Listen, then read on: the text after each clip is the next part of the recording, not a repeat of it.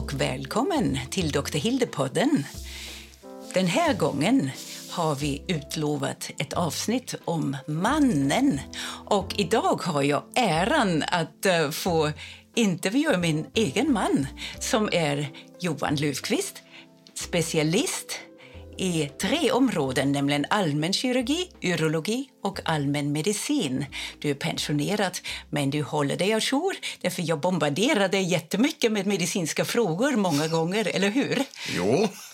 ja, så du har varit ett enormt stöd i alla dessa år när jag har skrivit mina böcker. Mm, tack. ja, tack för det. Verkligen. Ja, men idag ska vi prata om mannen. Och då har vi tre frågor vi vill ställa dig. Mm. Den första frågan är, finns ett manligt klimakterium? Och nummer två, hur upplever du kvinnans klimakterium? Eller hur har du upplevt det? Alltså, men du kanske har exempel när du har mött patienter eller eh, ja, allt möjligt, även privat kanske. Och det tredje är, vilka råd vill du ge den mogna mannen när han blir äldre? Mm. Okej? Okay? Ja. Ska vi gå till första frågan? Ja. Det är alltså, finns det ett manligt klimakterium? Ja, alltså mannens testosteron och övriga så kallade androgener de sjunker ju också med åldern, men inte så plötsligt som hos kvinnan. Mm. Hormoneffekten hos mannen och kvinnan beror ju också inte bara på hormonkoncentrationen i blodet mm. utan också på antalet receptorer, alltså mottagare, och hur känsliga dessa mottagare är och i vilka organ det finns. Det är en del män har ju hår på bröstet, andra blir flintisar och andra har jättemycket muskler och en del har ju liksom hormoner på hjärnan. Ja. ja, så det är olika. Ja, egentligen är det en parallell till kvinnan också. Det är också det med hormonreceptorer ja, som är ja. viktigt. Ja, visst. Och det är olika. Det är väldigt olika. Ja. Och olika känslighet också. Men eh, som sagt, det finns ju undantag bland män som lider av impotens redan vid 30-årsåldern. Man kan inte kalla det för klimakterium, men det finns såna män. Men också finns det män som blir fäder vid 80 plus. Ja, vad är det Charlie Chaplin, eller? Ja, till exempel. Ja, ja, det finns många. Han är en. Impotens eh, däremot, det är ju väldigt komplext symptom och som oftast beror på inte på låga testosteronnivåer utan det har oftast en psykologisk bakgrund. Mm. Ja, det är klart. Ja, hormonnivåerna hos män i samma ålder varierar också väldigt mycket. Egentligen borde man ju mäta hormonnivåerna på alla män som mönstrar till det militära, men de har ju slutat att mönstra ja. så det är inte aktuellt. Men det är ju också någonting som skulle kunna vara med kvinnan, att man ja. har en, en nivågradient egentligen, hur det var som ung och ja. hur, hur det är senare i åldern. Ja visst, för det, det, visst. det skulle vara väldigt bra att individen ska mätas och inte kvantiteten? Nej, alltså det är svårt att jämföra eh, alla individer. De, de fördelar sig liksom en Gausskurva. En del har låga nivåer och klarar sig bra med det. Och andra måste ha väldigt höga nivåer. Så fort de minskar lite grann, även om de håller sig inom normalgränserna, så upplever de att de har för lite hormoner. Ja, just det. Ja, det är intressant. Ja. Ja. Ja, för att utvärdera om man har hormonbrist så finns ju naturligtvis frågeformulär ungefär som man har vid menopaus och eh, för kvinnor när det gäller östrogen. Det finns för män också. 17 frågor. Det brukar förkortas med Adam. Det är väldigt roligt. Oh, ja, ja, det passar väl till mannen. Ja. ja, och vad är det för frågor egentligen? Ja, alltså det är frågor de berör ju hur man upplever muskelstyrka och allmän depressionsnivå och naturligtvis sexuell Eh, Eh, drivkraft och morgonerektioner och sådana där saker. Mm. Mm. Ja, just det. Antal morgonerektioner. Och det, här, eh, det är också gradering mellan 1 och 5. Eh, och är det, när man har många poäng då är det dåligt? Eller är det tvärtom? Nej, ja, eh, ja det är, dåligt är det ju när man har det mycket svåra besvär. Det, det har Då är höga det en poäng. hög nivå. ja. Höga, ja. Ja. så Ja, är det. Ja. Precis. Mm. Så det är egentligen det som är det viktiga när man skulle då bedöma en testosteronbrist. Är det här skalan? Det, ja, det är viktigare med de kliniska besvären än ett enskilt laboratorieprov. Där kan vi också dra parallellen till kvinnan. Det är ju också, vi har en menopause rating scale och eh, så det här samtalet hur mycket besvär det är som kan ha relation till menopausen eller till Ja, ja. bristande ja, ovarial funktion. Ja. Precis, där har vi det också. Ja. Mm. Okej, yes. Alltså, men finns det ett manligt klimakterium? Ja, ja.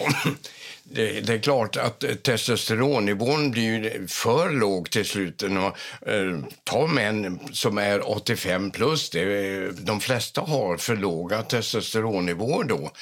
Och det innebär att de är muskelsvaga och har inte samma potens som när de var unga förstås. Och de tål stress och, och skador sämre också. De blir lätt eh, stressade och utbrända och eh, när, när de blir, råkar ut för stora skador så, så läker det inte. Men vad du vill säga är att det här inte på en gång och det är väldigt individuellt. Ja, det är det, verkligen. Det, det är alltså för varje människa, individ, alltså man förstås, individuellt Ja. och går långsamt ner tills man blir 80, 90 eller 100 år. Ja. Och, Om man håller sig frisk, eller? Ja, ja, om man håller sig frisk. Men en del som sagt, de, de får ju be- besvär redan vid 30 plus. Ja, faktiskt. Men du, när, du med, när du möter en man Ja. som, eh, ja, inom din praktik har du väl gjort det, Ja, ja. Eh, eh, som eh, Och de gånger jag har mätt Ja. testosteron så har det aldrig varit för lågt. Utan Nej. det har varit... Det har nog varit psykologiska eh, symptom. Men jag har faktiskt mött män som har eh, te, haft testosteronnivåer inom normalgränserna men upplevt alltså bristsymptom i alla fall. var det då behandlat med testosteron? Ja, då har bristsymptomen försvunnit, ja. Ja. Ja, vad ska vi nu sammanfatta? Är det eh, att det finns ett manligt klimakterium, eller hur ska du kalla det? Klimakterium är det ju inte, det för klimakterium är klimax och sen går det ner pang Ja. och det gör det ju inte Nej, hos mannen som du sa. Det, det, man kan nog säga att det finns ett manligt klimakterium fast det infaller vid väldigt olika tidpunkter hos olika män. Oftast är det ju 80 plus som, som man får besvär som är påtagliga. Och vad kan påverka det här att det kommer tidigare? Ja, eh, ja, det är mycket exempel. Man måste ju leva sunt förstås. Alkohol är inte bra och att vara väldigt överviktig är inte heller bra. Och diabetes är definitivt inte bra.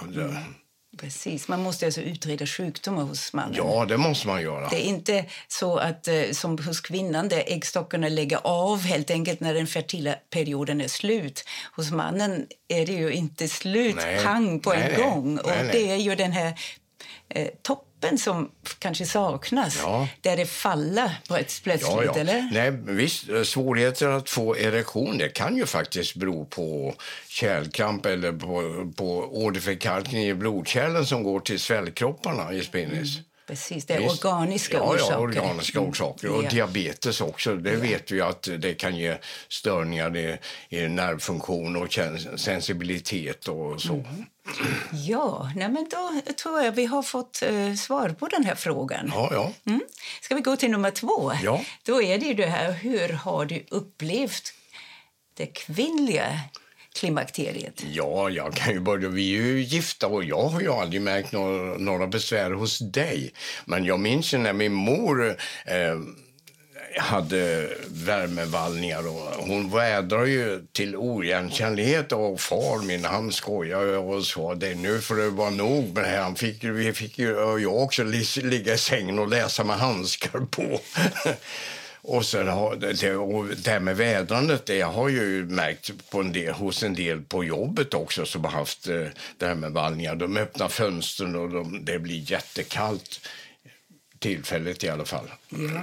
Men sen är det ju naturligtvis så som allmänläkare har du säkert träffat många kvinnor i klimakteriet som sökte på grund av andra besvär. Att de var utbrända, deprimerade, behövde sjukskrivning, allt möjligt annat som döljer sig. Och det är ju det som jag har pratat så mycket om, att eh, det kan vara så mycket annat eh, som eh, förknippas med just den här svåra fasen i livet. Ja, men jag har ju naturligtvis inte varit lika uppmärksam på de besvären som du är som är gynekolog och har specialiserat dig på de här. Ja.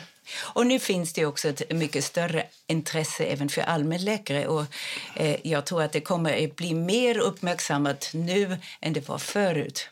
Ja. Och även behandlat, hoppas jag. Ja, ja. Ja, nej men jag tror nog ändå att eh, som man eh, behöver man ju vara väldigt eh, förstående. Och eh, en sak var ju att du har ju läst på mycket eller fått lära dig av mig när jag skrev mina böcker om klimakteriet ja. som du också har provläst förstås. Ja, ja, ja. ja. Oh, ja. ja då menar jag, du har ju verkligen lärt dig allt om klimakteriet och därför har du kunskap.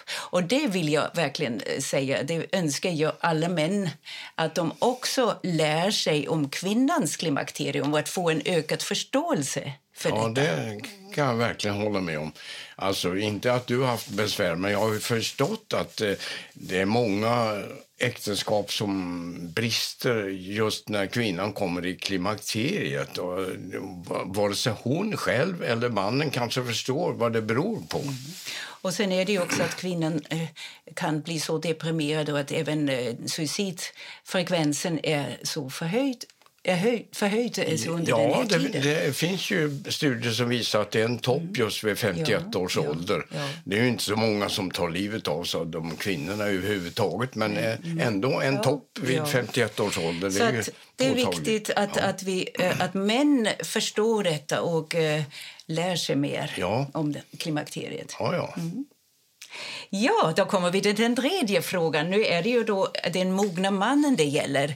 Alltså, eh, nu har vi ju sagt att eh, det är väl kanske inte infaller vid 50-årsåldern att mannen kommer i klimakteriet nej, så som kvinnan. Nej, nej. Så det är så olika och så vidare. Men alltså, med 50 kan det ju hända ganska mycket med mannen också. Han är ju på toppen av karriären ja, och liknande. Ja, redan vid 45 år så tror man ju fortfarande att man är kanske 25 och man spelar eh, badminton eller bordtennis med sin sin eh, sina tonåringar och så brister hälsenan för man har inte tränat så regelbundet. Så mitt råd är att träna regelbundet och inte äta för mycket. Men när de kommer upp i 45-50 så ökar de ju vikt. Jag mätte faktiskt när jag var allmänläkare alla patienter och vi gick, eh, jag också, gick upp ungefär ett kilo per år. Ja. Ja, knappt, mm. knappt kilo per år var det. Men vi gick upp allihopa. Och så man äter och dricker lika mycket som när man var 25 och det går ju inte. Ja, alltså åldern gör ja. att ämnesomsättningen går ner. Ja, det gör det. Mm. Och sen eh, är det ju så också att eh, androgener, alltså testosteron och så, det omvandlas ju fettvävnaden till östrogener. Så om man har lite svikt, androgensvikt och testosteronsvikt så blir den ju värre om man är överviktig. Ja, då har man det lilla ja, som man har blir ja. östrogen dessutom. Ja, precis. Eller? Ja. Är det så du menar? Ja, ja. Mm. Ja, nej, det är inte bra alls. Nej. nej. Men eh, alltså, då är det ju egentligen det att eh, eh, mannen behöver sköta om sin hälsa ja. när han kommer upp i åldern. Precis lika mycket som kvinnan gör det. Oh, ja. Mm. ja. Och hålla sig i form. Och det vi, blir viktigare och viktigare det äldre vi blir. Ja. Det är den här förebyggande hälsan. Ja, ja, ja. Och vi blir ju äldre och äldre nu för tiden så, och då är det ju viktigare än, än tidigare att sköta om sig mm. hela livet. Men framförallt när man blir äldre. När man är 30-årsåldern spelar det inte så stor roll hur mycket man missbrukar. Ja, det spelar ja. nog roll. Ja, men det spelar mindre roll Min, om man eh, mycket, ja. äter för mycket och röker och dricker. Man kan en, kompensera I kan min ålder så finns det ingen eh, eh, ska vi säga, alkoholdos som är nyttig tror jag. Ja. Mm. Precis, ja. Nej, men alltså man kan kompensera menar du mm. i yngre ålder. Ja. Men eh, det är klart det är allt aldrig eh, rätt att Nej, nej, nej, nej. Det är självklart. Men eh, ja, ja, men egentligen är det ju för mig ganska klart vad du svarar. Det är att eh, livsstilen betyder jättemycket. Ja, ja. Och rätt mat och rätt motion och leva sunt och den psykiska hälsan ska bibehållas också Ja, ja, ja. på en bra nivå. Så om allt är så bra, Eh, det är egentligen detsamma som gäller för kvinnan och som är, gäller också för mannen. Ja, ja, det finns ju undantag. Det finns ju de som röker när de blir 100 år och Goethe drack ju enligt uppgift två liter vin dagligen, men han blev gammal och, och duktig i alla fall. Han skrev ju böcker och dikter ända till han dog, tror jag. Ja. Ja. Ja, det finns ju en del som säger att han hade skrivit dubbelt så mycket om han hade druckit en liter istället för två liter. Men jag vet inte om man kan dra sådana slutsatser. Nej, nej det finns ju fantastiska Ja. genier. Så vi är väldigt olika, det är det Ja. jag vill säga. Men- En del tål mer än andra. Ja, men vi får ändå rikta oss till eh, den vanliga, vanliga människan, människan och alltså inte tro att vi är något annat än vanliga. Och då får vi hålla oss till vanliga rekommendationer och det är egentligen sunt förnuft, eller Ja, hur? ja, ja, det är det. Ja, vi försöker fortsätta, du och jag, leva sunt båda två. Ja, eller? ja, ja som Så våra mödrar en gång sa. ja, det är inte alltid lika lätt, men eh, man får ju njuta av livet också. Men alltså, vi försöker så gott vi kan. Men det var roligt, Johan. Tack så mycket. Jag tror Ja, att vi har fått svar på alla våra frågor här. Och eh, då eh, tackar vi dig. Ja, tack själv. Hej.